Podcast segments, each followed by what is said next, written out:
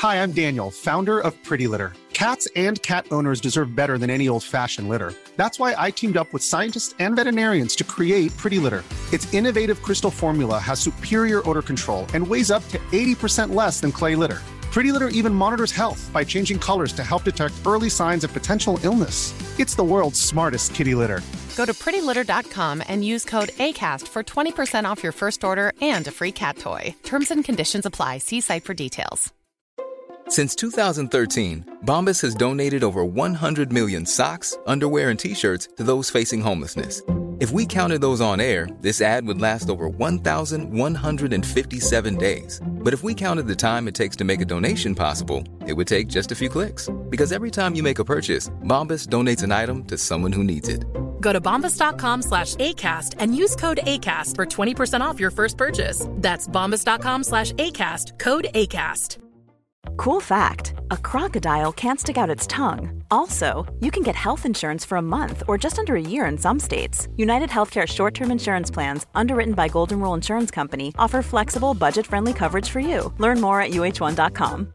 Hey, I'm Ryan Reynolds. At Mint Mobile, we like to do the opposite of what Big Wireless does. They charge you a lot, we charge you a little. So naturally, when they announced they'd be raising their prices due to inflation, we decided to deflate our prices due to not hating you. That's right. We're cutting the price of Mint Unlimited from $30 a month to just $15 a month. Give it a try at mintmobile.com slash switch. $45 upfront for three months plus taxes and fees. Promo for new customers for limited time. Unlimited more than 40 gigabytes per month. Slows. Full terms at mintmobile.com. Vi är eh, så himla glada över att ha Mathem som Mm. sponsor till Inte din morsa. Vår baby. Vår baby. Baby, vår matbaby. Mathem har ju eh, revolutionerat våra liv på många sätt. Det, är liksom, det känns verkligen som att det finns ett före och ett efter eh, jag började mathemma. Att köpa mat på nätet är så otroligt otroligt tidsbesparande och eh, framförallt ekonomiskt. Jag har också ett, eh, vad ska man säga, en bonus och det är att jag får känna mig så här planerad och duktig. Vi har leverans till dörren tre dagar i veckan och eh, det är så fint för jag känner mig som en uppstyrd person, jag har full koll på min ekonomi och jag kan alltid kolla i skafferiet och i, i eh, kylskåpet, vad har vi hemma, vad har vi inte. Så att eh, mitt eh, handlande har liksom, ja, det, det har blivit så jäkla effektivt. Mm. Och mina snart 18 års av så skrikande barn i affären för att man ska allt från Kinderägg till chips till olika glassar hit och dit. Varför lägger de alltid kexchoklad i korgar precis vid kassan? Varför tror du? För att dina barn ska. Precis, med Mathem är detta reducerat till kanske en gång i veckan istället för 33 gånger i veckan. Vilket har gjort mig på riktigt mer harmonisk som både mamma, kvinna, fru och människa. Och så jävla bitter jag kunde vara när liksom en sån man kommer hem med en liten mjölk till tre eller fem barn. För att de är så här, jaha förlåt. Och själv går man där med liksom, tidens rand i händerna, du vet. Man får så här, vitning i händerna och är så här, bitter och arg och det är inget alls kul att laga mat. Nu älskar jag, det är som att få julklappar liksom en gång i veckan när de där fina påsarna kommer. Och så gillar jag också miljötänket att de tar med sig påsarna tillbaka. Mm. För papperspåsar blir faktiskt inte slitna av ett kilo bananer, mjölk och en köttabit. Så att eh, vi vill rekommendera eh, detta och eh, just nu så om ni handlar över 700 kronor så får ni faktiskt 200 kronors rabatt. Wow! Wow, ja, då kan ni eh, ange koden söndag 200. Ja, Mm. för vet ni, vår bok Söndagsmiddag, Riddarna runt det operfekta bordet, vår lilla dokukoki, eller vår kokdoku. Kokudoku. Kokidoku. Kokidoku. Vår kokbok som vi har skrivit i en dokumentärform kan man säga. Eh, vår mathistoria där vi samlar 12 härliga söndagsmiddagar. Den finns på Mathem till ett jättebra pris. Mm. Där kan du även gå in och kolla på våra bästa recept och där finns alltså så otroligt mycket goda recept. Mm. Igår gjorde jag en liten vietnamesisk eh, rackare som jag hittade där på Mathem. Marie som har gjort, hej Marie. Så eh, våra varmaste rekommendationer om du faktiskt vill hitta en genväg till ett mer harmoniskt liv där det både blir en ekonomisk vinning men även en vinning för bättre mat och lyckligare familj. Söndag är koden. Om ni handlar för över 700 kronor får ni 200 kronor i rabatt. Så söndag 200. Söndag 200. Mm. Jag blir gammal den där kvinnan bredvid.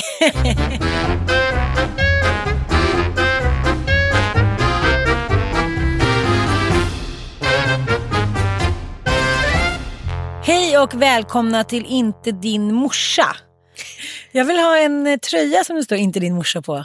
Det vill jag också ha. Och jag började fundera över vad det här är för podd egentligen. Är det här en familjepodd? Mm. Familj och barn? Eller är det en aktualitetspodd? Eller vad är det här? Nej, vi kanske måste vara lite mer tydliga. Ja. Men då tycker jag nog mer att vi är en, två kvinnor som har en aktualitetspodd som har massa barn. Ja, precis. Ja. Ni får lite av det göttiga från bägge världar. Ja, Mm.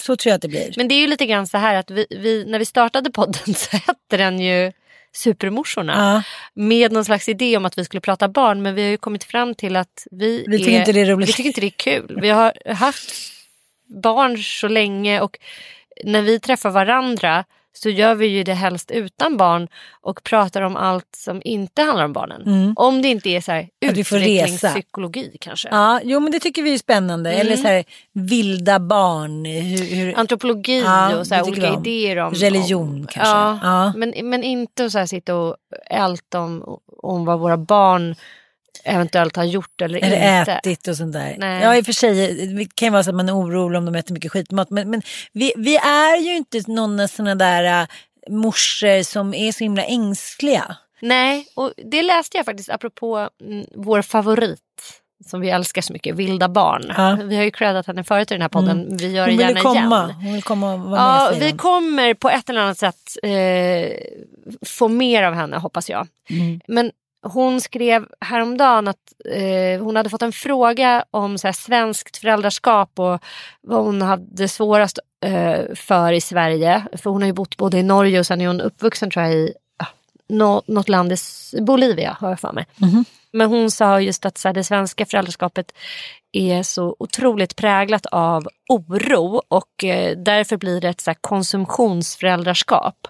Därför att vi, eh, vi har liksom fått lära oss på något sätt av staten att eh, föräldraskapet liksom måste ske på vissa sätt eh, i mycket högre utsträckning än i andra länder och i andra delar av världen. Men det här gör oss väldigt nojiga. Så att liksom, allt ifrån att bära barn i en sjal, då vet vi liksom inte hur vi ska, eh, hur vi ska knyta den där sjalen, hur tajt ska den sitta?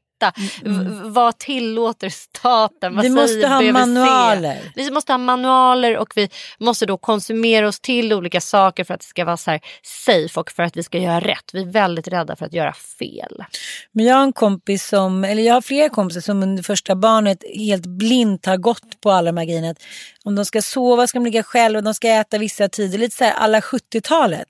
Och ändå så här vidhållit det och blivit så otroligt kränkt och sår om deras män eller någon annan sagt så här. Är det inte bättre att du bara låter eh, hen amma fritt eller måste ni gå hem så här tidigt? Blir inte, alltså, det är otroligt känsligt det där första barnet, den oron. Så har jag aldrig känt. Jag tänker så här, barnen eh, är liksom allt det viktigaste i mitt liv men de får också hänga med lite på mina villkor. Kanske lite för mycket på mina villkor med de första barnen. För det också leder ju inte heller till någonting bra. Att det ska vara, nej, alltid. Men samtidigt så tänker jag så här, jag är ändå Alltså man ska säga, det finns ju alltid bra att ha en viss dosa eller dos av skam. Om man inte är en bra förälder då måste det där liksom klinga in på något sätt. För det är det enda som på något sätt gör att man står rätt upp ibland. Att man känner sig att det här var inte bra. Det här måste jag ta tag i.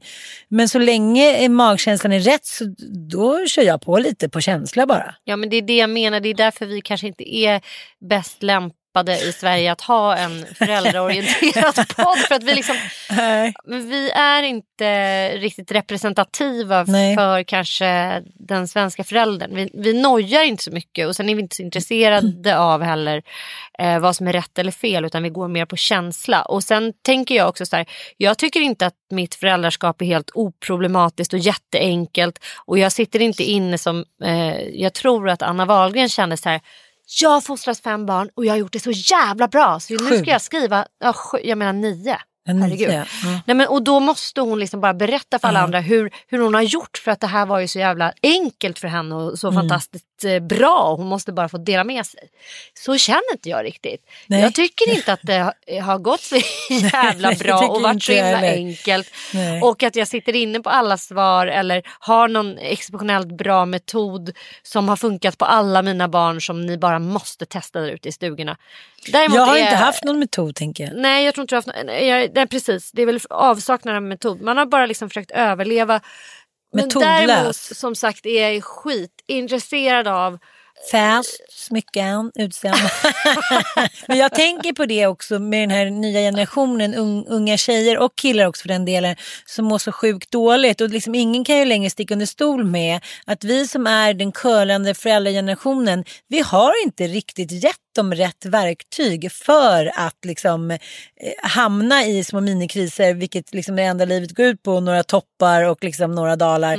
Så att, eh, Ja, men till exempel, eh, jag pratade med en terapeut som, som jobbar på psykakuten som säger vi vet inte riktigt vad vi ska säga när unga tjejer kommer in och liksom säger att de vill ta sitt liv för att de har blivit dumpade av en kille. Det är så här, nej, det här kommer ske. Det är normalt att en kille lämnar när man är 14-15 år. Alltså det finns så mycket som finns inom normalskalan för vad som är liksom ett okej mående.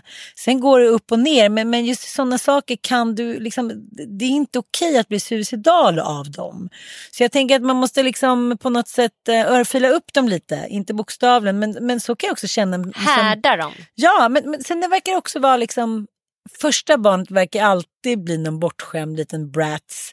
Tvåan, eh, jag märker det väldigt tydligt på mina två äldsta, Ossian och Ilon. Ilon var så här, ja på söndag ska jag mm, träffa några. De kom till skolan och frågade om man ville jobba med pensionärer så att nu ska jag på en eh, intervju. Alltså han tar tag i sin grej för att han vill tjäna pengar och vara självständig och det är basketen och det är skolan. Och han, så Du här, menar Elon nu? Ja, förlåt Elon. Så här, ja, jag vill komma in på den här skolan så nu har jag räknat ut hur många liksom, poäng.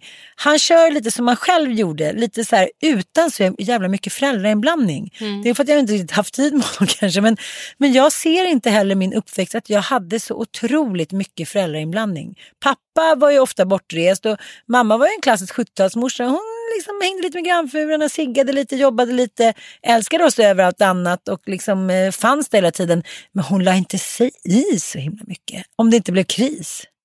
Nej, jag tror att det, dels så handlar det väl, eller min lilla analys, tolkning av liksom vår, vår tids föräldrar, eh, alltså vi är ju 70 70-talister du och Jan. Vi har ju velat liksom göra det eh, som våra föräldrar inte gjorde, det vill säga alltså som ett svar på deras frånvaro så har vi velat vara så engagerade. För jag minns ju, eh, alltså en del av ens föräldraskap bygger ju på att man vill vara det som ens föräldrar inte var. Eh, och, och jag har ju då haft några så förebilder, typ några av mina polares föräldrar som jag tyckte var liksom så här så jävla engagerade i deras skolgång till exempel. Så där har jag verkligen velat vara liksom, engagerad i mina barns skolgång och liksom så hjälpa dem och bara sitta och typ skriva eh, uppsatserna åt dem. Hj- hjälpa till så gott det går. Liksom. Och sen också så här att eh, umgås med dem på ett annat sätt. För jag älskade ju liksom eh, kompisar vars föräldrar var lite som kompisar. Att man liksom kunde hänga med dem och känna att det var liksom avspänt och kul. Det gjorde Eh. jag i och för sig med mina föräldrar. Ja, Men det var för att det var massa folk hemma hos oss och det blev liksom som att Och då var ni med liksom. Ja, alltså det, ja men och det var både folk, liksom jag och min syrra hade en massa kompisar och killar och hit och dit hemma och folk som var alltid över. Det var en väldigt låg tröskel för socialt umgänge liksom. Mm. Och du kände dig alltid delaktig. Du kunde ändå liksom så här, me- mellan generationerna känna dig eh, Absolut. fri och Ja. delaktig och Kanske välkommen. lite för fri och delaktig och välkommen ja, faktiskt. Jag tänker liksom att det var det, det fanns ju inte heller samma PK-pinnar då vad gäller alkohol Mm. och liksom när man skulle kanske gå och lägga sig, hur man skulle äta. Det, det, det, liksom på gott och ont så var det att man ansågs kanske vuxna lite tidigare. Ja, väldigt mycket tidigare. Så att liksom, Och det kan jag säga, så här, det handlar inte om att jag eh, växte upp i liksom, någon superdysfunktionell eh, kompiskrets. Utan jag kan Nej. säga så här, samtliga av eh, föräldrarna till eh, en väldigt bred eh, bekantskapskrets hos mig var så här, inkluderade oss som dryckespolare. Ja, alltså, ja, typ från ja, första ring, 50-årsfest. typ. Från att man var 16. Ja. Då, fick, Då då, blev man serverad vin om det Ja. var en 50-årsfest som man var bjuden Ja. på. Alltså inga konstigheter. Nej, och man parta, och kunde parta på. Och parta på liksom. Ja. Det var ingen som Det är faktiskt helt sjukt. Det är faktiskt jättestor skillnad på hur det är idag. Och jag eh, råkade ut för det att en, några som jag känner, en som jag känner bjöd oss igen på alkohol och blev så sjukt offended. Det blev det ja. Ja, jag tog det Ja. så personligt och liksom så tänkte jag men hen kan ju inte veta hela min bakgrundshistoria med min uppväxt och vad jag står för så bara, fast det spelar ingen roll. Nej, vi Nej. har, vi har liksom flyttat Ja, fram den precis. där gränsen i, i gemene mans medvetande. Man dricker inte med en person som är under 18. Nej. Okej att ungdomar själva kan hålla på och testa gränser men inte när man är med och inte med ens egen vetskap och de gör, man gör inte det tillsammans med någon som är under 18. Det känns men är det inte så att, jag vet inte, har mognadsgraden hos ungdomar liksom, det var ju som min farfar sa så här, herregud vi var ju för fan vuxna när vi var 15 och jobbade heltid som drängar. Liksom. Så det kanske är så att det, att det har hänt någonting också, både mentalt och med utvecklings eh. Liksom. För jag kan uppleva liksom, min 18-åring verkligen som ett barn fortfarande. Ja. Jag tycker nästan att det är provocerande att hon ska rösta i höst. Ja. Faktiskt, det kommer ju. Ossian också göra. Ja. Nej men det är så jävla knäppt Nej att de men ska jag, det. jag tänker så här, jag- blir lite orolig. No offense Olga men Ja, nej, nej, men jag känner också så här, är de ens intresserade av att ta del av samhället? Det här kollektiva som vi själva var liksom uppväxta i, det var lite, ja, men man demonstrerade, det var första maj, det var traditioner, det var arbetaren, vi stod enade. Den har ju liksom är helt dött, den är ju som en ballong som har tappat all sin luft. Och det tycker jag är så otroligt tråkigt. Och vi pratade lite förut här med eh, några andra poddar här om just porren. Ja. Att om man nu ska säga att det någon gång har funnits någon form av liksom, vad ska jag säga, demokratisk jämlik porr. Det är klart att det aldrig finns och det finns ingen lycklig hora och allt det där. Jag vet allt det. Men om man jämför en 70-tals p-rulle med skiten och förnedringen som är nu. Så, så dels var det lite handling och, och dels de var det... hade någon slags drama. Ja men det var något drama va. Det var grannfrun och det var lilla kecken som kom in där hit och dit. Men, men det var liksom Kvinnor såg ut som kvinnor, män som män och det var lite här liksom, det, det var inte så lyckat. Det fanns väl inte så mycket så här Viagra och sånt. Det var lite halvdas. Det ja, jag ska inte Det romantisera var det på något sätt. hår. Ja, det, liksom, det, det, det var mycket av Det allt. var mycket buskis. missionär, det var buskis. Livet Ja. var lite mer buskis. Ja. Det är kanske därför jag älskar buskis så mycket. ja, men det var liksom, det är klart att det alltid varit Fast problematiskt. vet du, men- det här ja. föranleder mig Men då kan vi bara så sammanfattningsvis säga till er som lyssnar att det här är en aktualitetspodd med två morsor som Ja. ganska ofta kommer att snacka om sitt föräldraskap men inte alltid.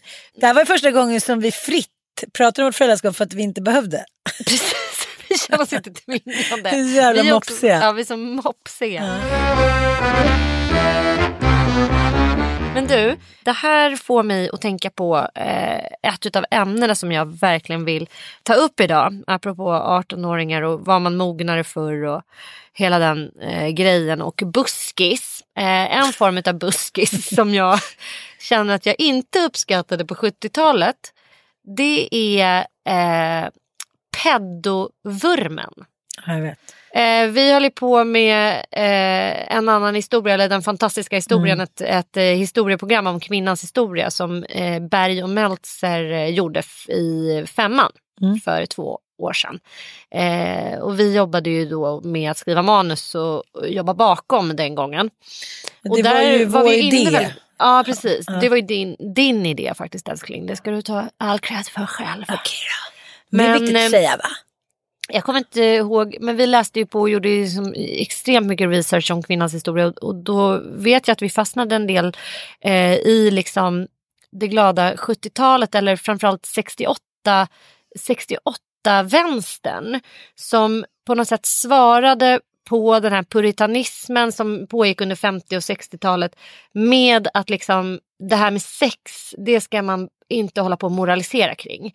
Och bland annat så var det liksom den franska, den eh, tongivande intellektuella franska 68-vänstern drev den här tesen väldigt, väldigt starkt med Jean-Paul Sartre i kretsen. Med Jean-Claude. Eh, Jean- Jean-Claude, Jean-Paul Sartre och eh, eh, även hans eh, älskade Simone Beauvoir, feministen. De var så här superliberalister när det gällde porr och sex och man skulle inte hålla på och gå in och moralisera kring det. Till och med så pass att man skulle inte moralisera kring liksom pedos. Eh, vilket ledde till att så här, jag hade ingen aning om det här men nu har det alltså kommit en bok i dagarna. Vanessa Springora heter hon. Hon har skrivit en bok som heter Le Consentement. Den betyder samtycke på franska. Där hon berättar om relationen med författarkollegan Gabrielle Matzneff. Och hon var då alltså bara 14 år när hon inledde en relation med den 50 år gamla Gabrielle Matzneff. Och han är liksom, han, han är polare, han är 86 år idag eller något sånt där. Och eh, var polare med eh, Sartre och alltså alla liksom tongivande intellektuella eh, i, ja men, i, den, den, vad kan man säga, den intellektuella eliten i Frankrike. Och hon har nu skrivit den här boken och det har blivit en storm i eh, den franska litteraturvärlden förstås. Eh, det är ju en, liksom en skandal men, och det folk är så här, tycker är konstigast för att den här mannen, Gabriel Matzneff, han har alltså skrivit böcker om typ hur man raggar bäst på ett barn. Alltså han har skrivit romaner där han ingående beskriver hur han åker till Manila och har sex med 12-åriga Nej. pojkar. Jo, och det här har varit så här, det är ett stort franskt förlag som har givit ut honom. Han har varit en av de största liksom, kulturprofilerna och han har varit helt och hållet öppen med sina böjelser eller vad man ska säga. Och han pratar om, han diskuterar i sin litteratur bland annat om barn som är mellan 10 och 16 år. De betraktas som ett tredje kön. Det spelar ingen roll om det är pojkar eller flickor. För de är liksom, det är som ett tredje kön helt enkelt där man befinner sig i, i och kring puberteten. Då De kan vill man, man liksom, bara våldta eller? Ja, de kan man liksom vara, nej men de vill ju gärna det själva för de är så nyfikna på sex också. Jaha, trevligt. trevligt. Nu är det så här att det franska förlaget som har givit ut honom har dragit in alla titlar så det går inte att få tag i de här böckerna längre så man kan inte riktigt se. Men däremot så kan man ju... finns inga franska bibblor. Nej men ni kan googla om ni är intresserade av det här för det här, det här var så jävla sjukt. Jag hade ingen aning om det här. Men eh, Fast å andra sidan, så här, för typ ett år sedan så säger ju Stig Larsson så här, att det luktar så himla så att unga tjejer har en speciell doft. Mm, men då kan man väl ganska lugnt eh, konstatera att både så här, Stig Larsson, Horace Engdahl och typ den eh, kulturprofilen, våran svenska härliga eh, Jean-Claude eh, som vi pratade om i förra avsnittet. De var väl såklart extremt inspirerade av den här franska 68-rörelsen. Liksom. Med den här liberalismen och att eh, sex utan gränser och sex eh, inte skulle liksom omges av moralism och hitan och ditan. Men det är så jävla bisarrt och då fråga, ställer sig folk frågan så här, ja men hur, hur har det kunnat ske? Alla dessa kulturmän jag såg, det var någon som hade delat för det här, eh, det var i P1 Kultur som man tog upp eh, den här boken. Liksom. Och då det var någon som delade det på Facebook. Och genast var det liksom människor som var inne och kommenterade där. Och bara, alla dessa kulturmän som håller på liksom. Och, och där kände jag bara så här, dels är jag trött på den analysen att så här, kulturmannen ska eh, få stå liksom skott, eh, hund eller vad fan man säger för det här fenomenet. Eh, det är naturligtvis inte så det ligger till utan varenda jävla kar oavsett om man tillhör någon slags här, kulturelit eller är någon vd-gubbe eller heter liksom Kapten Klänning och är polis. Eller, ja, det handlar liksom inte om att man befinner sig i någon kulturkrets som skulle vara något. Det är också att så här, alienera sig från problemet. Att så här, "Ah, det är de där kulturgalningarna typ. Nej, nej, nej. Utan snarare är det så här att det är de här kulturgalningarna som är så bara är, otvunget skriver böcker om det. De andra gör i skymundan liksom. Så det vill jag det vill jag verkligen så slå hål på den myten att det, så här, kulturmän skulle vara särskilt galna. Alla män är pedos. I Nej, alla men klasser. alltså tyvärr verkar det ju vara som att så här, bara om man så länge man börjar normalisera det som i, som i romarriket under vissa delar av vår historia så har man ju obviously gjort det till någonting som är så helt normalt. Att eh, Ja, men ligga med fostrande ville det vara, handlade väldigt mycket om att det, var fostrande för unga pojkar att då få ligga med äldre män. Jag Mm. tänker på så här, det här är en, liksom en, helt gl, liksom glömd era med alla de här små stackars pojkarna då som blev våldtagna av de här 50-åriga gubbarna. De hade ju till och med en armé Mm. som då kallades för liksom den homosexuella armén då, där pedras, pedraster då fick ligga med de unga pojkarna för att de skulle då lyckas bättre i fält. Ja. Jag kan bara tänka mig de här unga pojkarna, de måste ju ha blivit fällda direkt, helt traumatiserade. Men det är så jävla sjukt. Ja men det är samma sak som med porren. Nu har ju eh, en porrfri barndom gått eh, ut ganska hårt med, med eh, en eh, kampanj. Och eh, allt så här, när man söker på vad som är mest googlat så, så tänker man så här, det här kan tioåriga barn, åttaåriga barn kolla på då som var mest googlat, var det förra veckan? Det ligger liksom en ung tjej fasttejpad med så här svart remtejp och blir då liksom, har en, får en stor dase i munnen och blir misshandlad. Det, här, det, här, det som barn ser är ju det så som verkligheten är. Det normaliseras ju och etsas ju fast i deras minne. Det vet man ju precis från sin egen barndom. Hur mycket det är man minns från barndom. Som... Det är det verkligen så. Jag måste nu ändå vara lite kritisk mot en porrfri barndom. Mhm. Eh, där, ja, nu ska jag vara sån och ifrågasätta lite grann här. För att jag menar inte att jag är någon liberal 68 vänsterkvinna. sätter på mig här som glasögon som inte ser något Moralisera. Pedofili kan vi väl ändå vara rörande överens om att det är helt jävla sinnessjukt och ska förpassas Ja. i evigt liksom, mörker. Och, Ja. alltså, det, det är bara så jävla konstigt att det har kunnat så här, att man har kunnat normalisera det under delar av vår historia för att sen svänga tvärtom. Vilket vi nu, liksom, så fort någon pratar om pedofili här i Sverige idag så får man ju, inklusive jag själv, rysningar och mår så här fysiskt illa. Och bara, Det finns typ eh, få gånger jag tycker att dödsstraff eh, känns motiverat men om någon pratar om så här våldtäkt mot barn då vill jag direkt ta fram ett svärd och hugga någon jättemånga gånger.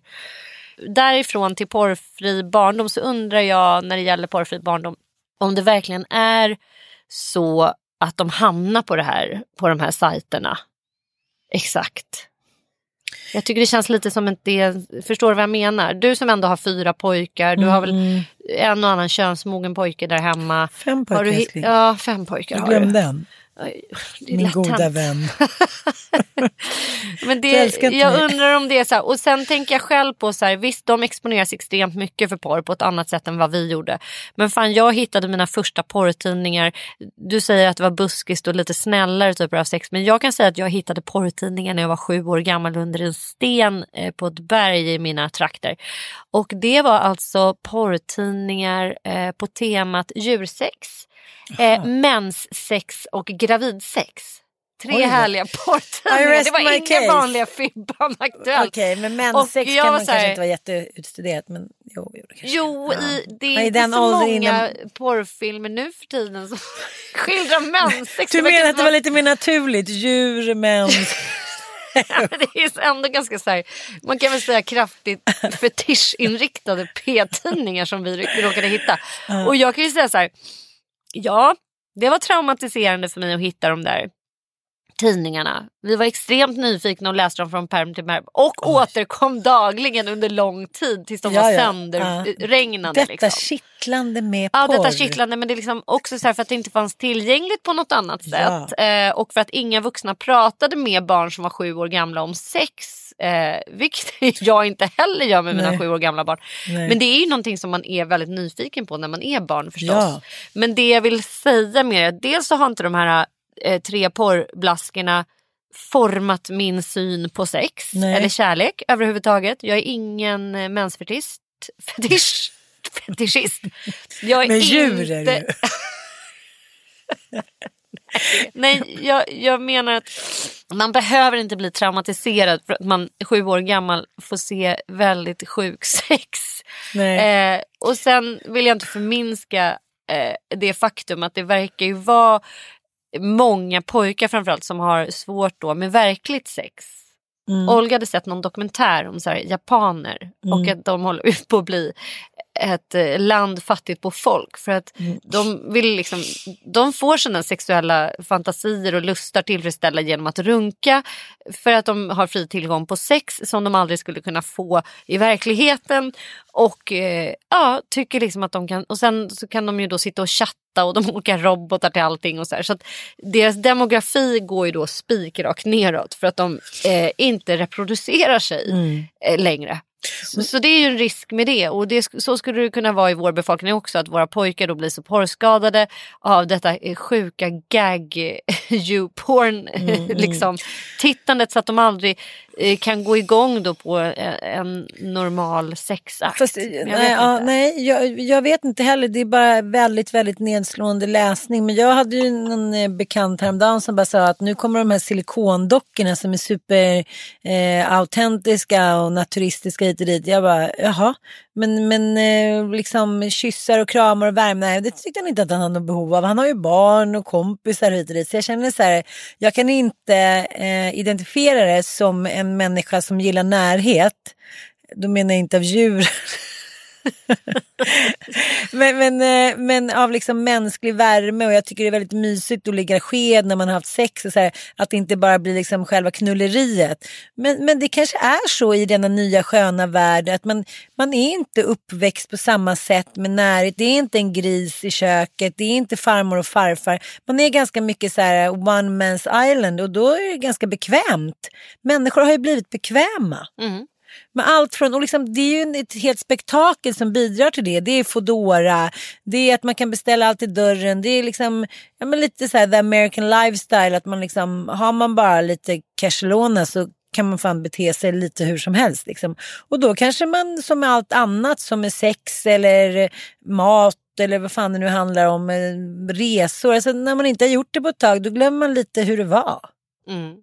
Den mänskliga rösten som ändå så här alltid har funnits där med värme. Jag, jag var på ett möte på Mind som är så här riksorganisationen för att främja ja, mot eller med eller för psykisk ohälsa. Och de sa, på julafton ringde en man som inte hade pratat med någon sedan den 9 december. Han var inte liksom, han ville egentligen inte prata, ringa för att prata, säga att han mådde dåligt, för han mådde inte så himla dåligt, men han var bara tvungen att höra någonting som klingade mot hans röst. För han hade inte hört sin röst på så många dagar. Då blev jag så här, men så och jävla tragiskt. Mm.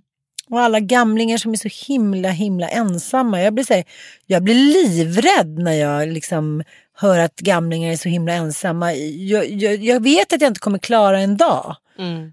Så jag måste ju flytta in i kollektiv då. Vi kommer ju göra det.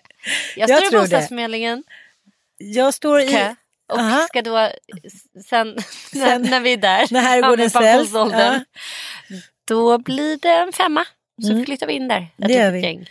Men, men tänker du någonting på att Michael Svensson är äldre än dig? Att han förmodligen, om inte du blir sjuk, kommer dö tidigare än du? Åh gud, jag tror faktiskt inte att jag har blivit så pass gammal så att jag börjat fundera över det där. Däremot har ju Micke gjort det känner jag senaste tiden. Att han är så här, han har, har sagt några grejer här senaste månaden. Så här, Tänk att nu har jag bara 15 aktiva år kvar. Och sånt där. Jag bara, vad snackar de om? Men han är ju 15 år äldre och han är ju 55. Och, och, och om 15 år så är han liksom 70. Det, det och låter 15 år mycket. går ju väldigt snabbt. Vi träffade varandra för 15 år sedan. Så att, eh, ja, jag förstår. Alltså jag tror att det kanske är där när man är fem, 50 plus an.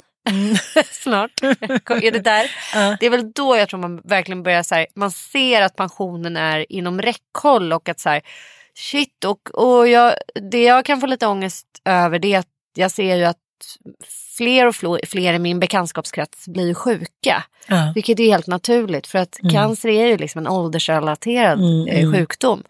Och den kommer ju komma nu liksom, ho- hos folk man känner och älskar. Och det Mm. gör mig helt skräckslagen. Ja. Liksom att så här, och jag har en, en så länge haft sån jävla tur att ingen av mina nära vänner har, alltså riktigt, riktigt så nära Mm. vänner har insjuknat. Eh, och ingen har dött ifrån mig i min vänskapskrets. Men det är Mm, klart att det kommer ske. Det kan skrämma mig något jävligt alltså. Det kan jag få riktig ångest över att tänka på. Jag har ju ja, men, två kompisar som nu omlott då, eller tre, eh, fått bröstcancer. Och liksom, Jag käkade middag med två av dem häromdagen och det det blir ju... Alltså när man nosar sin egen dödsdom i nacken, då är man ju inte liksom forever young längre. Och Nej. det blir en, en sordin på liksom den människan och det kan man ju liksom råka ut för även om man hamnar i en ekonomisk kris eller jobbkris. Någonting, att man känner så här, nu har det hänt någonting med min själ som gör att jag kommer aldrig mer bli densamma. Sen kommer det bli bra igen och liknande. Liksom. Jag kommer börja leva och kunna vara glad och drid. Men det är något ärr i mig som gör att jag är inte den där liksom, ja, men, bekymmersfria forever liksom, young längre. Och eh, det kan också skrämma mig väldigt, väldigt mycket. Men så, så tänker jag som jag läste om den där stackars pojken vars pappa hade fått en, eh, ett getingstick.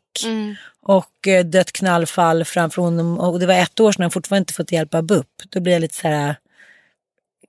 Gud, alltså det bara händer hela tiden. Eller att någon tar sitt liv. Eller sånt där är jag rädd för att, så här, att jag inte ska kunna... kun- Ringer din pappa nu? Jag tror det var din pappa. Pappa, det är roligt att jag börjar kalla Micke för Nej men pappa. sluta! Nej, nu får vi stänga av. Nu måste... Nej jag har inte börjat kalla honom för det. Det är så här att eh, Lollo som min mobil är liksom synkade på något sjukt sätt. Det är så jäkla irriterande. Vi har samma iTunes-konto och då kan man liksom. Ja, ja. Så han är inne i min och, och döper om olika. Så han bara, nej det, han heter ju pappa då. Ja. Så att Micke har blivit pappa. Så det heter det i min Du kan ju också. svara live. Anpassat. Vad vill du? Nej, men pappa kallade ju alltid mamma för mamsen. Ja, nej, men han säger mamma till mig också. Hur är det med sexlivet älskling? Vet du, jag hörde, jag lyssnade på Malin och eh, alltså Malin, Sigge och Malin. Ja. Malin Eklund Ja. och eh, Jenny Hammar hette hon ju Ja. förut men nu heter hon väl någonting annat. Men Keeping Up med Malin och Jenny Ja. tror jag podden Ja. heter. Och då berättade eh, Malin om att det är en väldigt så här, vanlig, i alla fall i hennes bekantskapskrets, jag har inte hört om, om det, men eh, ett vanligt nyårslöfte att ha sex varje dag det kommande året. Wow! Har du hört om det? Men liksom, det, så här, det- ringer någon liten klocka att så här, den här, i år kör vi. Men jag, jag har hört det men jag har aldrig hört någon som har eh, lyckats. Nej men eh, Malin hävdade med bestämdhet eh, att eh, hon hade flera eh, i sin kompiskrets som hade kört den här challengen och att det gav helt sjuka resultat. Folk blir så kåta av det. Ja, det, det är klart För att att, man det blir... blir som en så här, så att till slut kan man inte tänka sig en dag utan sex.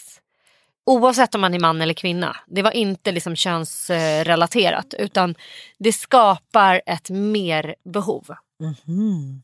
Och eh, jag vet ju inte det här. Och, men när jag tänker på eh, att kliva på den här challengen så tycker jag att det känns mer oöverstigligt än att bestiga Mount Everest för tillfället.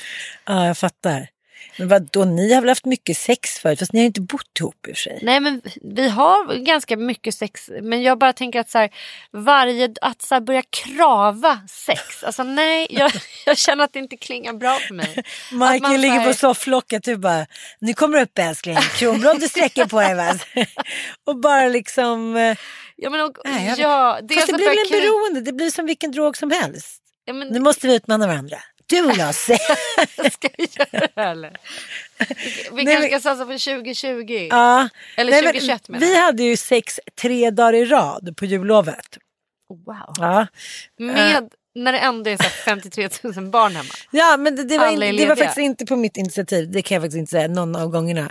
Men eh, ja, Kronblom fick väl en liten vilosam eh, liksom, kåtslag där. Och det är klart att så här, första dagen är lite så oh, andra dagen blir lite lättare och tredje dagen så blir det väldigt lätt liksom. Mm. Men jag kom på mig själv häromdagen när han skulle liksom sätta igång lite igen att jag höll för mitt bröst. Jag liksom höll det hårt som en liten kupa så att då skulle han förstå typ.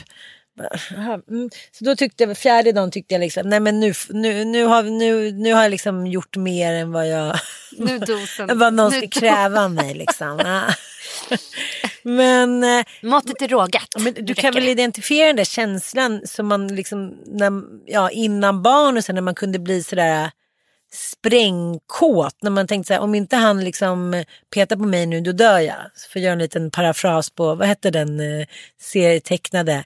Om ingen tar mig rumpan snart så skriker jag. Ja. Vad heter hon? Emma Hamberg. Nej, Drebin. Eh, Ja, men jättekänd tekniker. Just, jag ja, tänk, den, den känns inte som att nej, det i känns, inte, metoo det känns inte den jättemodern. modern. Men eh, jag vet inte, men det är också så här, vissa föreställningar som även män har om vad som ska få en att gå igång som gör mig svimfärdig ibland. Jag kommer ihåg när jag dejtade en känd komiker ett tag när det var slut med Snoken, eh, mitt ex alltså Nanook. Och eh, vi satt där på dejt och han på fullt allvar ville ragga upp mig genom att säga att eh, ja, men många trebarnsmammor jag har varit med har jag kört en fist på va. Det har ju de gått loss på.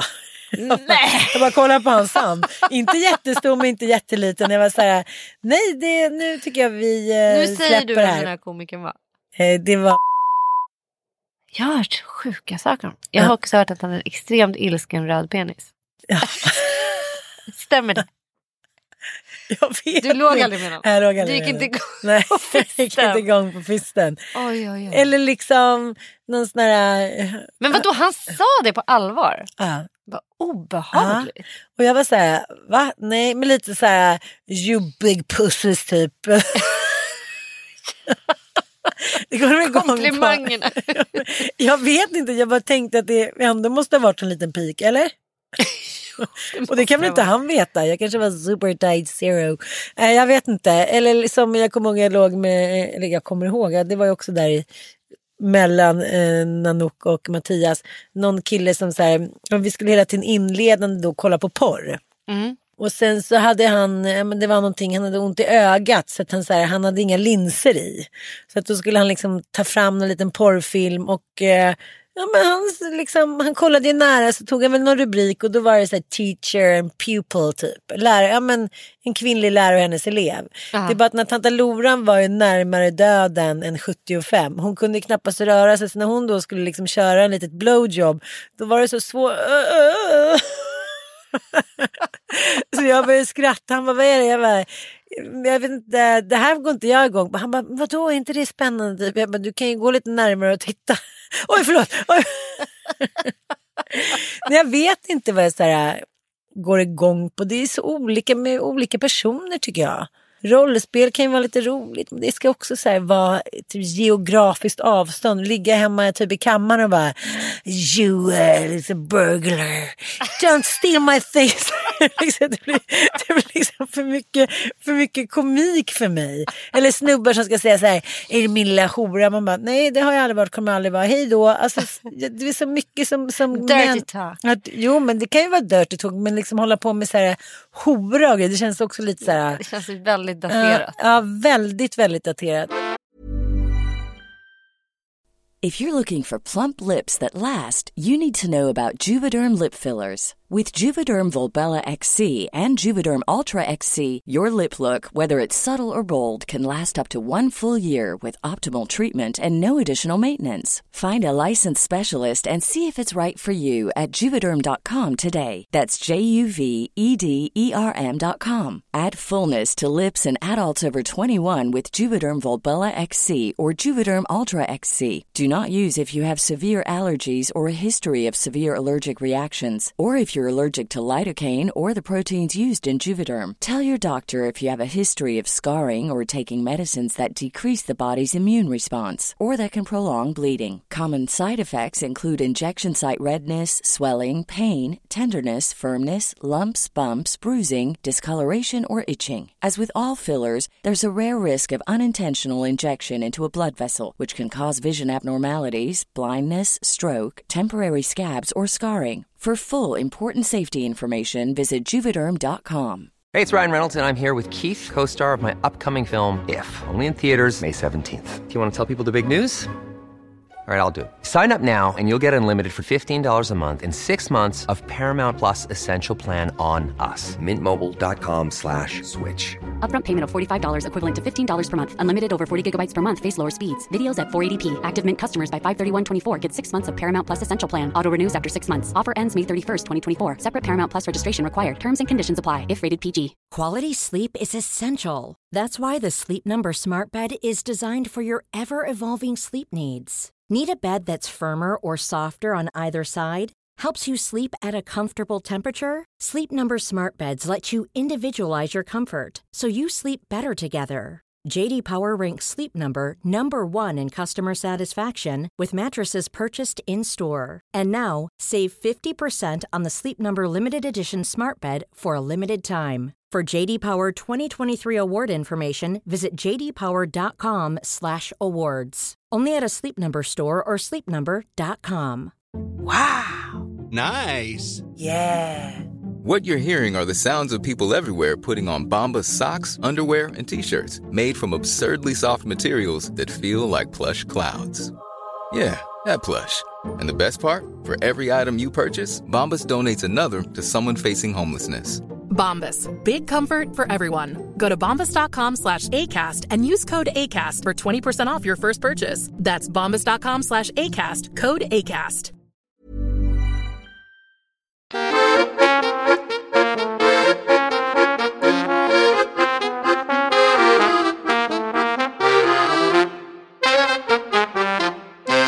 Jag har en an- andra spaning för veckan. Eh, jag har börjat kolla på broadcast, tv, alltså gammal hederlig GAM-tv. Vilket jag har saknat väldigt, väldigt mycket. För det när man sitter och tittar på sina små serier och sina små dokumentärer så får man liksom göra det här urvalet helt på egen hand hela tiden. Och det tycker jag är så här, den moderna tidens stora eh, bluff på något sätt. Att man tror att man alltid ska göra det bästa urvalet själv. Fast det finns massa människor som faktiskt förr i tiden hade det till yrke. Att Mm. sätta en tablå Ja. eh, och överraska en med olika saker. Mm. Så därför är det så jävla härligt tycker jag. Bara, jag slår på ettan och så ser jag vad som kommer. Man tittar inte ens i tablån. Utan, och så kom, poppar upp något dokument inifrån och så bara råkar man få se någon helt fantastisk dokumentär och någon eh, kanske serie som man tycker är jättebra. Eller- Man blir lite surprised och det är någon annan som får sköta liksom, urvalet. Och vilket är jätteskönt. Du är på blind date med tv. Och jag tycker det är så jäkla härligt. Och jag, det är också blandat med någon slags nostalgikänsla. Att man har sällskap av tvn, man har en riktig så här hallåa. Även om det inte sitter en hallåa där så är det i alla fall en rösta. Mm, Som liksom presenterar och det känns trevligt och hemtamt och gammeldags på något sätt. Men jag tittade i alla fall igår när jag la Foxen och halkade då in på en dokumentär som eh, gick i tolvan tror jag. Eh, som handlade om dockorna. Jaha. Och det var ju alltså som du redan varit inne på, sexdockor, de här silikondockorna som kostar hutlösa mängder pengar. Nu finns det ju då till och med sexdockor i silikon i verklig storlek som är liksom extremt naturtrogna. Men eh, där man också har, eh, alltså det finns en liten robot i dem så att de till och med kan prata och kramas och sånt där. De är liksom hutlöst dyra. Men den lite äldre tidens sexdocka är ju då bara en silikondocka som är väldigt naturtrogen i storlek. Plast fanns väl när vi var små? Ja men uppblåsbar Barbara liksom. Men det var en jävligt lättviktig eh, upplevelse. Uppblåsbara Barbara. Det fanns ju till och med en låt. Ja, ja det gjorde det ju. Underbara uppblåsbara Barbara.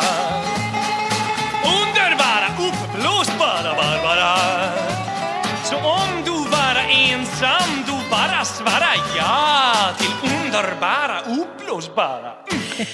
eh, Den här dokumentären handlade, liksom hade tagit ett bredare take på det här med dockor. Så det var inte bara så här galna män som älskade att knulla med dockor utan det här var liksom män, bland annat en man som drev en förening för, jag vet inte, han var, han var ju tokig i liksom allt som hade med manga att göra. Och, alltså, han kallade det för så här, artificial, eller alltså, det, fan, det var fan ett uttryck för det. Nu kommer jag inte exakt ihåg hur. Men han drev en förening och han trodde verkligen på att så här, han, han ville sudda ut skammen för oss som lever med dockor.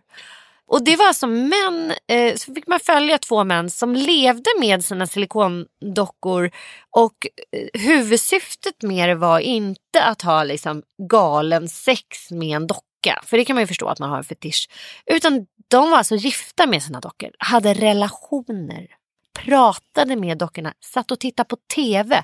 En man som hade med sig sin docka och åkte till djurparken och gick omkring med henne i en rullstol. alltså, Nej. Jo, och det, är så här, det, det säger också väldigt mycket om USA. Att, så här, att folk ändå vänligt bemöter honom. Men vadå, var det, det här var USA? det här var i USA, det var en amerikansk dokumentär. Självklart. Och jag minns, då, du vet, då slungades jag med. tillbaka till när min moster bodde ju i Orlando. Hon, hon dog för två år sedan men hon levde hela sitt vuxna liv eh, i Orlando för hon var gift med en amerikan. Och vi var ju ofta och hälsade på henne i Florida. Och då kommer jag ihåg att vi att jag ibland kunde vara så här, men vad då när vi var på malls? Det var ju så inne att vara på mall. Ja. Det fanns ju inte i Sverige då. Nej, jag älskade att vara på amerikanska på mall malls. något speciellt. Och då var hon så här, kolla, kolla på det där. Nu kommer en sån där tjej med en docka igen. Jag bara, va? Då var det liksom någon konstig mode att vuxna kvinnor gick runt med barnvagnar och hade koldockor. Just ja.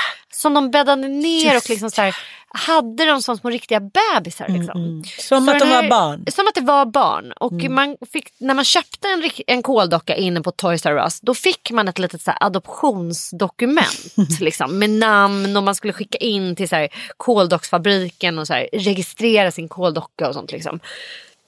Och det här var som en enda stor liten så här, rörelse. Och eh, jag tyckte det här var helt knäppt fast jag bara var liksom 7-8 år gammal.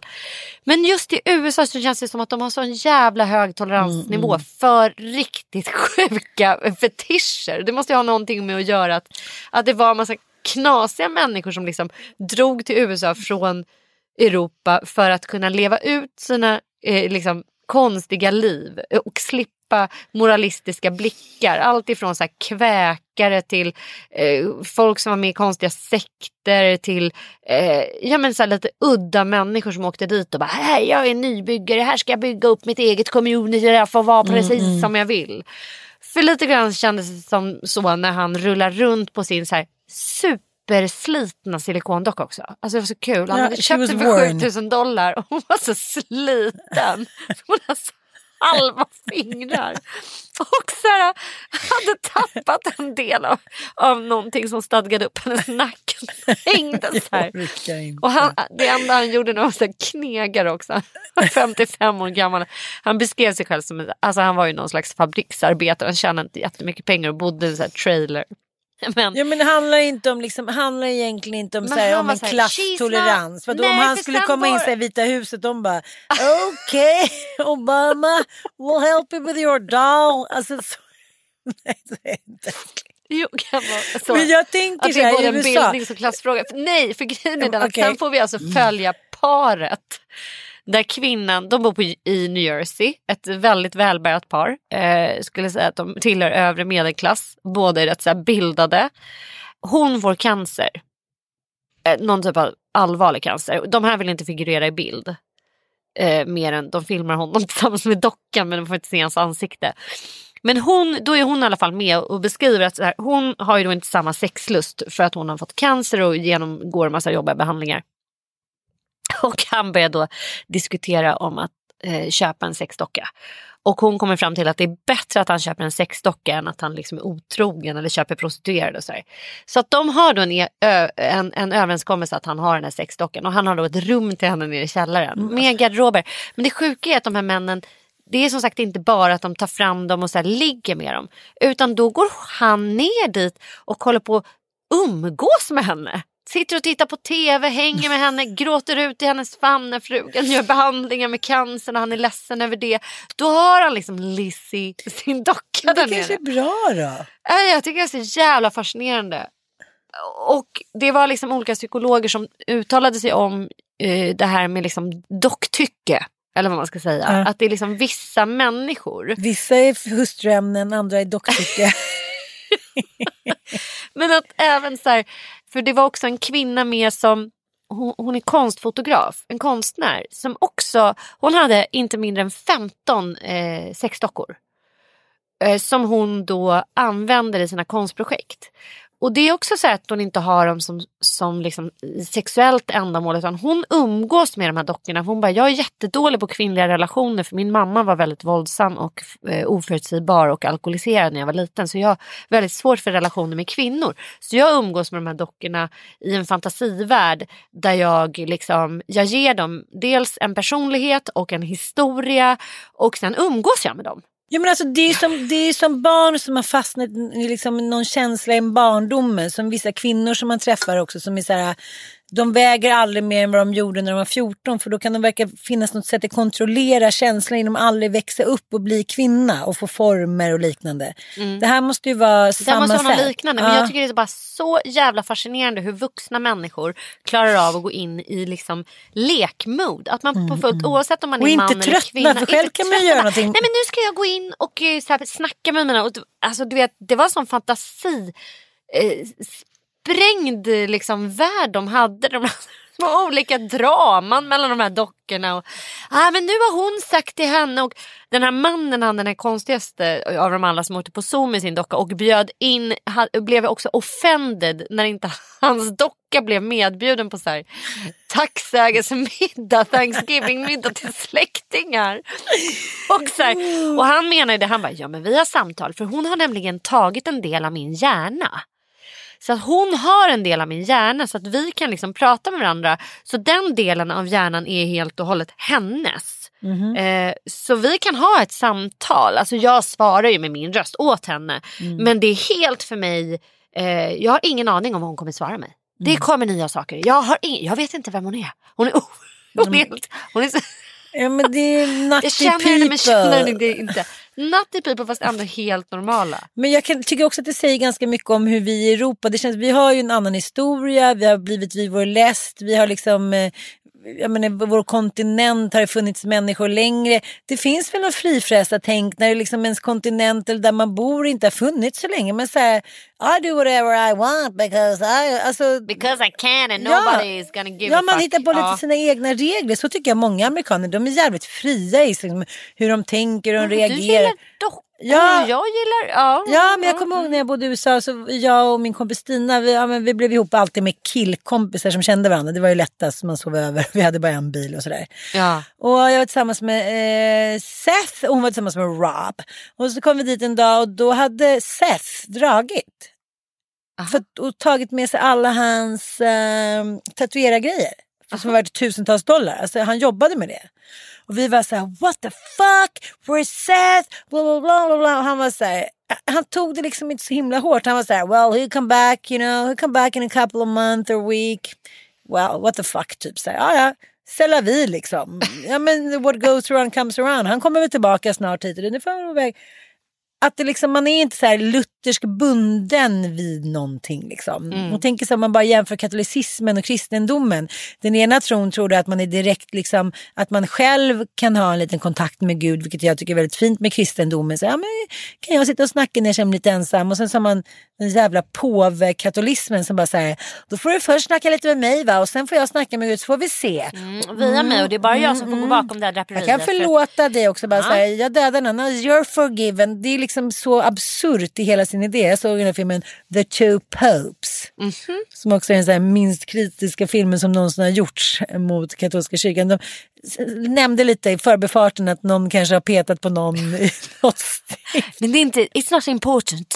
Men nu går vi vidare med problemen vi har. För jag, jag har inte känt Gud på ett tag. Men sen är det ju så här, Anthony Hopkins och men så jävla snyggt gjort. Och jag tänkte så här, jaha, de smörar liksom för katol, liksom katolska kyrkan så att de får vara i Vatikanstaten och Mm. dit. Men så visade det sig att allting var gjort mot skärm. Allt de hade gjort helt fantastiskt. Nu kommer man ju aldrig mer behöva vara Two någonstans. Popes, är inte det en serie? Nej, det är en film. En film? Ja. Jag måste se den. Men Är den sevärd? Ja, gud ja. Det är fantastiskt skådespeleri och det är fantastiskt och så jävla bra manus. Men det, man blir ju lite så här liksom, ja du fattar. Ja, Eh, De har tagit upp liksom eh, andra situationer när, eh, när, gjorts, när, präster har gjort övergrepp på sina egna till Mm. exempel. Att så här, det kommer en ny regering till exempel. Man säger, ja men nu håller, vi, håller vi lite låg profil. Och liksom, men, men det togs väldigt, så det gjorde de till en stor, liksom, ja vad ska man säga, dramaturgisk båge, det var antagonisterna. Liksom. Men, men just nej, Vatikanstaten och eh, prästerna, just det där med sexuella, det drog de snabbt lite förbi. Så där, bara. Det var inget de ville Nej, det var ingenting de uppehålla sig ville. vid. Men jag tänker så om jag själv jag tänker så, jag har ju ändå liksom haft en hel del män, det tänker jag inte sticka under stol med. Och så tänker jag så här, har jag haft någon kille med någon särskild fetisch? Och så tänker jag så här, ja, någon gillade ju armhålor, men det känns väl inte så himla groteskt eller liksom farligt. Någon, eh, Jo, jag hade en som hela tiden skulle bita i bröstvårtorna. Jag var alltid blodig på bröstvårtorna. Jag var så här, men nu får det väl slut. Ah! Ja, det, det, det är för sig. men Ja, och lite gurka, han håller på med gurka och saftgrejer hit och dit. Och, Jag har hört att eh, fetisch, alltså en, en psykologisk take på eh, fetischen som gör en kanske lite mindre liksom så här, vad ska man säga, störd. Eller som, Ja. kan, det är så här, men för att eh, det är oftare män än kvinnor som har fetischer. Och om man tänker på mäns sexualitet versus kvinnors sexualitet så är det ju på något sätt, en kvinna kan ju fejka en orgasm eller det är inte hela världen om den uteblir tycker eller kanske då bägge parter. Eller ren, Nej, vår, I vår märkt. kultur Det har det liksom märkt. inte varit en Nej. jävla biggie om kvinnan inte kommer. nej, Men så- eh, mannen ska ju komma. Liksom. Ja. Sexakten påbörjas och sen avslutas sen med att mannen kommer.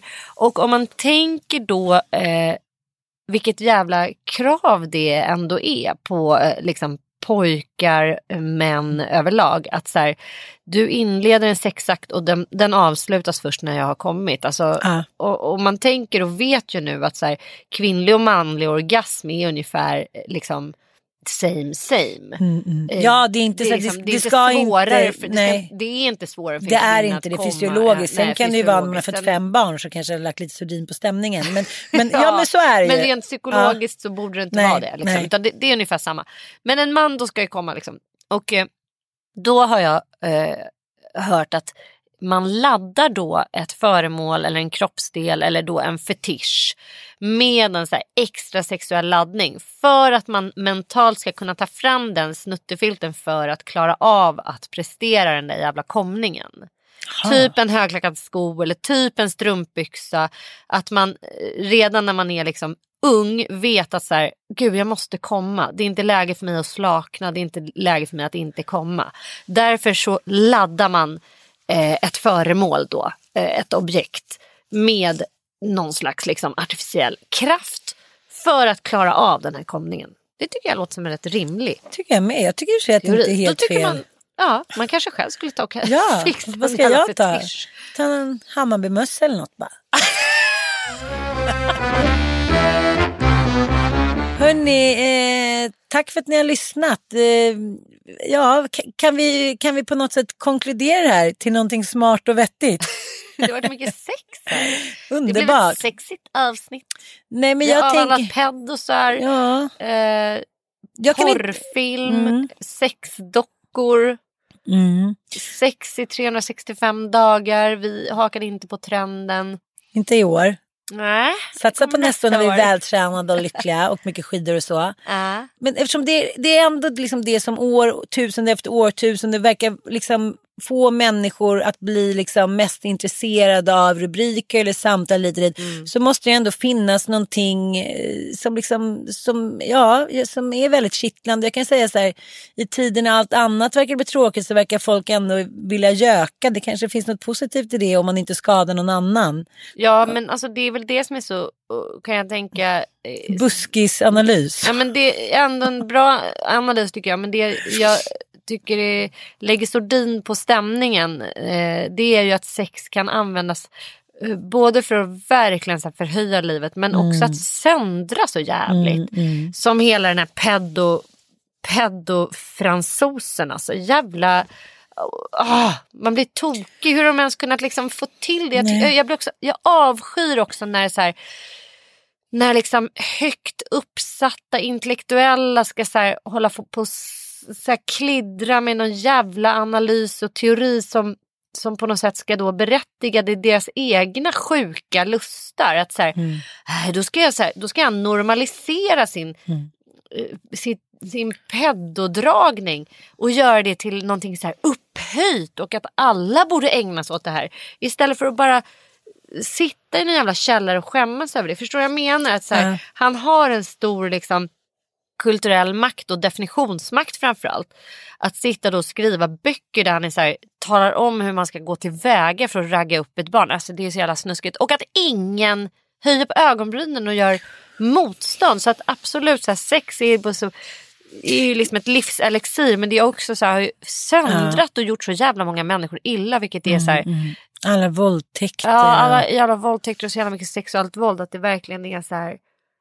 Ja, men jag tänker, jag tänker det du sa i början med Sartre och eh, Boire. Mm. Att det, det, det handlar ju så jävla mycket om så här, samhällets norm som hittills och fortfarande i de allra nästan flesta kulturer har eh, röstats fram och bestämts av män. Mm. Och kvinnan har inte haft någonting att sätta emot för då åker hon ut i kylan med liksom följd att hennes barn kanske dör och hon själv eller att hon blir slagen hit och dit. Mm. Det har ju liksom varit ehm, att vara tyst har ju varit ett sätt, det, det har ju inte varit någon tyst medgivelse utan det är bara så här, rädslan har hindrat oss kvinnor från att kunna sätta emot. Mm.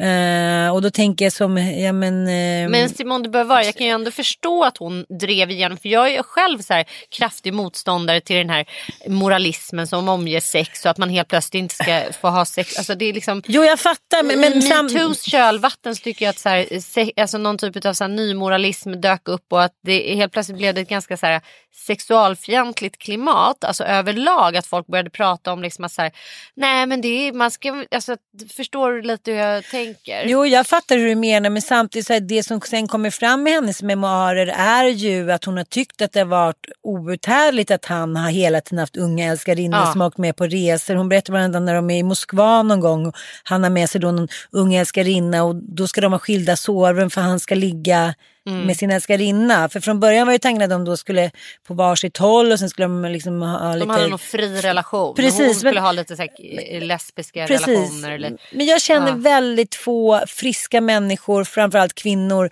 som tycker att det är en lattjo uppgörelse att en snubbe ska med ligga med andra. andra kvinnor. Jag Alltså, kan säga att jag känner ingen som har haft en lyckad Nej. öppen relation. nej, Den slutar heller. alltid med att det Nej. tar slut. Och jag försökte en gång att säga, ja då testar vi så kan vi ha en annan tjej vara med och det höll ju på att sluta med, med, med mord. Det var inte av henne utan av honom. Så att nej, jag, där kan vi väl gå tillbaka Ja. lite till Fab, Men jag tror att hon tänkte lite för mycket, hon var lite för mycket i hjärnan där. När, Ja. hon, när hon ställde sig bakom den, eh, det upproret eller vad man ska säga. När hon drev på den här liberalismen. Simone de Beauvoir. Så hon är väl förlåten för det. Jag tror faktiskt inte hon riktigt. Men sen tror jag framför allt inte att hon var beredd på att liksom. Hon, hade då så här, pedoivrare som passade på att så här, ta skydd bakom det. Nej, men man måste, det som du och jag också väl har erfarenhet av är ju att när män med ett visst behov, vare sig det gäller för droger, alkohol eller sex, blir väldigt, väldigt starka i sitt uttryck. Mm. Och man, man får gärna höra att man är en tråkig kärring. Som liksom, man får Mm. gärna, om inte du, ja men det är ju klassiskt, om inte du vore så tråkig skulle jag inte behöva knulla andra. Om inte du vore, alltså, du ställer alltid upp. Det blir väldigt mycket så här att kvinnan är en sur, frigid kärring. Om man Mm. inte vill liksom eh, rocka knull typ 24 timmar eh, per dygn. Så jag kan tänka att det, har alltid liksom varit väldigt enkelt för män att säga om inte du ställer upp då måste jag få göra för jag måste få ur med mina drifter typ. Mm. Och då är man en tråkkärring och därför blir det plickknull hit och dit. Så att så här, vår konstaterande är väl att sex är någonting som är jävligt härligt både för kvinnor och män men att det är så jävla tråkigt att det har förstört så himla mycket för just kvinnor och barn faktiskt. Verkligen. Även för män som har blivit väldigt mycket våldtagna. Ja gud ja. Ja, det är, bara, det, det är ett söndrande jävla redskap. Alltså jag, jag hoppas att vi inom eh, eh, min livstid i alla fall kommer få uppleva att så här, sex som mass destruction weapon kan liksom få upphöra. Alla krig ja, som... fy ja. fan. Ja, men jag kommer ju inte leva lika länge då enligt Sanna. Så jag, eh, jag, jag läste också att eh, den, eh, med, liksom, den genomsnittliga åldern för att vara riktigt deppig Mm. är 47,2 i i-länder och 48,2 i utvecklingsländer. De har gjort några uträkningar median och eh, att då är det så här då är man riktigt nere i skiten. Då är man så här halfway och mer. Okej. Och då vet man liksom, man är inte ung, man är inte gammal. Liksom, vad fan händer nu? Du är där nu. Ja, jag är där. Det kanske Känner därför. du av det? Liksom, det blir väl också att man gör någon liten så här mellanlivsconclusion. Mm. Och saker kommer i fatten. Och man, men som du sa, man, man har kompisar som börjar bli sjuka och man tänker så här, gud, tänk om något skulle hända nu. Jag måste rätta till vissa grejer som jag Mm, gjort ska jag fel. leva på så här som jag har Ja, levt också? ja. Mycket den känslan Precis. hade jag häromdagen. Att så här, Jaha, är det så här jag ska leva Mm, resten av mm, mitt liv? mm. Vill jag leva så här? Mm. Eh, en så här stor ekonomisk börda att så här rodda runt Ja. allt det här jobbet. Tänk om jag skulle bli sjuk. Jag, jag- men alltså mycket sådär att man, Mm. jag tror att man, ja men vad kallar man det för? Någon typ av mittlivskris liksom. Och har många tjejkompisar också som är så här, åh, det känns bara som att man skulle vilja bo i ett kollektiv med kvinnor. Ja. Att man kommer till så här, var det så, blev det så himla bra med de här snubbarna ändå? Man fick ju barnen men nu är ju det klart. Ja, jag vet inte, vi får prata vidare om det. Tack för att ni lyssnar. Tack för att och, ni lyssnar. Ja, och eh, om det är någonting som ni vill att vi ska ta upp eller någonting, DM oss så svarar vi. Gör det. Mm. Puss!